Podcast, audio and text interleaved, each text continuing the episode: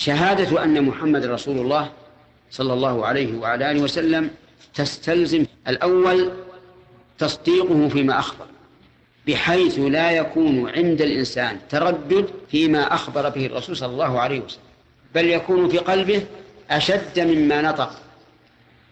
كما قال عز وجل في القرآن إنه لحق مثل ما أنكم تنطقون.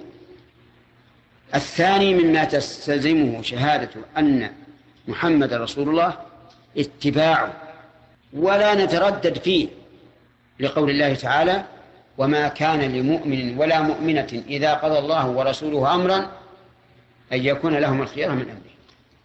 الأمر الثالث اجتناب ما نهى عنه أن يجتنب ما نهى رسول الله صلى الله عليه وعلى آله وسلم عنه بدون تردد. لا يقول هذا ليس في القرآن فيهلك.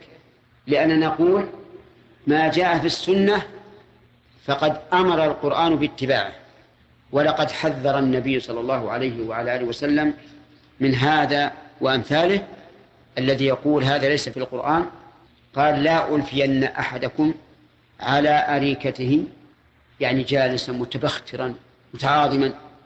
يأتيه الأمر من عندي فيقول ما أدري ما كان في كتاب الله اتبعنا مع أننا نقول كل ما جاء عن رسول الله صلى الله عليه وسلم فقد جاء في القرآن. لأن الله قال اتبعوه وهو عام في كل ما قال.